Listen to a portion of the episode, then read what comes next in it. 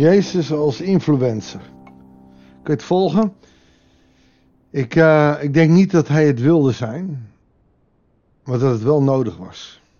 Een influencer valt op, krijgt volgers en wat hij zegt, dat gaat de wereld ook in.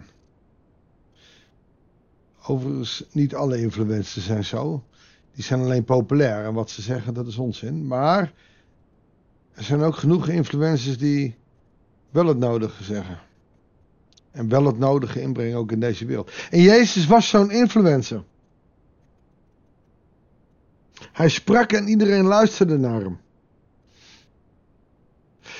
Hoe zou het zijn in deze tijd? Zou die via social media spreken? Zou die een eigen vlog hebben? Of een podcast zoals deze? Zou hij een een of andere hemelse app hebben die alle antwoorden gaf op vragen die hij had? Ik weet het niet. Maar ik denk wel dat hij influencer was. Hoewel hij niet in die populariteit wou staan. Kijk maar eens naar het markenschuim. niet zeggen wie ik ben. Ze deden het wel. Hoe harder je mensen de mond wil snoeren, hoe harder mensen hun mond open doen. Dus dat kan ook weer tactiek zijn geweest. Of misschien weer niet.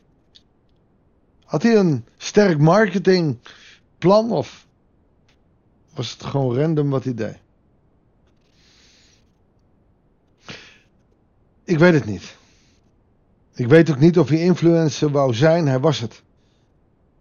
Als zijn boodschap nu nog, 2023 jaar geleden, gezegd en nu nog steeds populair dan ben je behoorlijk influencer. Dan heb je de wereld aardig geïnfluenced. Ik denk niet dat het een voltooid deelwoord is.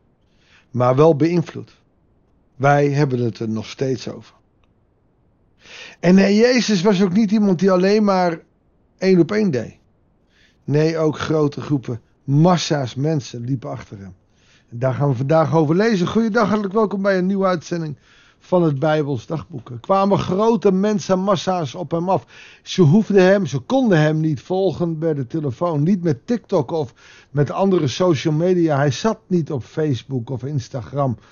Maar je moest hem, als je hem wilde horen, echt naar hem toe gaan. En het voordeel daarvan is dat men verlamde, blinde en kreupelen, doofstommen en vele anderen meebrachten en die aan zijn voeten legden. En dan genas hen allen. Dat kan niet via de social media. Dat gaat face-to-face. Jezus was druk. En we lezen ook telkens dat hij zich even afzonderde om bij God te zijn.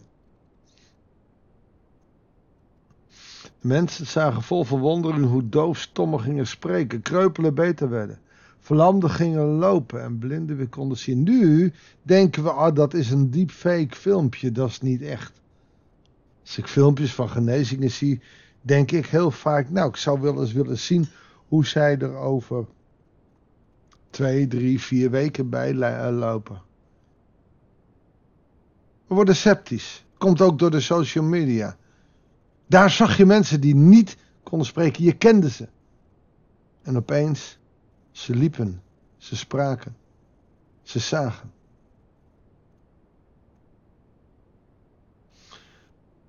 Ze brachten hulde aan de God van Israël. En dit kleine zinnetje is het belangrijkste. Dit is het doel van genezingen.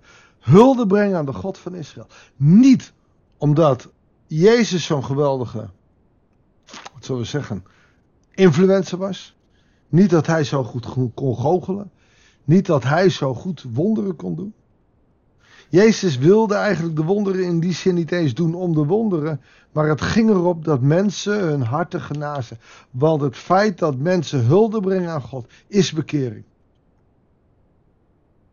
Nadat Jezus zijn leerlingen bij zich had geroepen, zei hij: Ik heb medelijden met al die mensen, want ze zijn er nu al drie dagen bij me en ze hebben niets meer te eten. En hem met lege maag naar huis sturen wil ik niet, want soms waren mensen twee, drie dagen van huis af. Anders zouden ze onderweg bezwijken.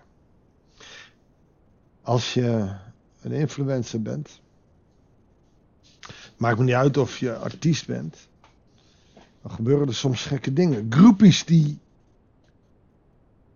soms dagen en nachten voor een deur staan om maar iets van een ticket te krijgen of zicht op een artiest. Groepies die staan te gillen omdat een artiest uit het theater komt. Ze willen ze aanraken alsof ze iets hebben. Je ziet het bij Justin Bieber. Meisjes helemaal hyper, vallen flauw. Justin Bieber was op twee meter afstand van hen. Ah, en ze vallen flauw. Dat zijn de huidige influencers. Maar bij Jezus gebeurde het net zo. Drie dagen loopt deze groep mensen al achter Jezus aan. Ze willen wonderen zien, ze willen mensen bij hem brengen. Maar hoe dan? En nou zegt Jezus, ze moeten wat eten. Jezus, of de leerlingen antwoorden, maar waar halen we in de verlatenheid genoeg brood vandaan om al deze mensen te voeden? De discipelen zijn praktisch. Ze zien het niet voor zich. Dit gaat ons niet lukken. Zo staan wij ook wel in het geloof. Dat we dingen moeten doen waarvan we zeggen, ja, dat gaat ons niet lukken. En dan? Dan vraagt Jezus, oké, maar wat heb je nog in huis? Dat wordt vaker gebruikt. Elia vraagt het ook aan de weduwe van Sarfat. Wat heb je nog in huis? Hij vraagt aan de discipelen: Wat heb je? Wat hebben ze? Wat hebben ze zelf? Waarom altijd afhankelijk van wat anderen doen? Waarom altijd afhankelijk van wat Jezus doet? Waarom zo afhankelijk?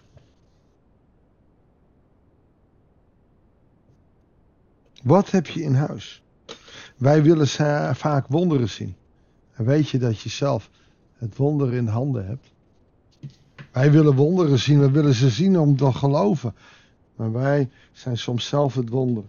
Wat heb je in huis? Wat kan ik doen voor Jezus? Vraag eens aan een ander. Hoe is het met je? En je bent het wonder. Neem eens tijd voor een ander en help een ander. Je bent het wonder. Jezus vroeg hen, hoeveel broden hebben jullie? En ze zeiden zeven en wat visjes. Hij gaf de mensen opdracht op de grond te zitten. Wordt niet zenuwachtig. En nam de zeven broden en de vissen. Sprak het dankgebed uit. Brak de... Hij nam de zeven broden en vissen. Sprak het dankgebed uit. Er staat niet een, het. Danken doe je voor je eten wat je voor je hebt. Brak de broden en deelde ze uit aan de leerlingen. En de leerlingen gaven ze aan de mensen. Iedereen at en werd verzadigd. Toen ze stukken brood die ze over hadden, ophaalden, hadden ze zeven manden vol. Er hadden ongeveer 4000 man gegeten, vrouwen en kinderen niet meegeteld. Dus heb je al gauw een 10.000 en 12.000 mensen. En nadat hij de mensen had weggestuurd, stapte hij in de boot en voer naar de omgeving van Magedon. Hij gaat weer weg. Ik weet niet of je de film kent. Pay it forward. Hoe een klein jongetje iets goeds doet voor een ander en vraagt: doe dan ook iets goeds voor een ander. En voor je het weet, gaat het viraal. Zo gaat het in Nederland niet. Omdat wij Nederlanders, omdat wij christenen, vaak net als de rest van Nederland, een drukke agenda hebben. Geen tijd hebben het even niet kunnen. Nee, dat is niks voor mij. We durven niet uit te stappen, we durven niet te delen. Pay it forward gaat over een jongetje dat een klein dingetje doet voor een ander. En die persoon is zo geraakt dat hij het ook weer gaat doen.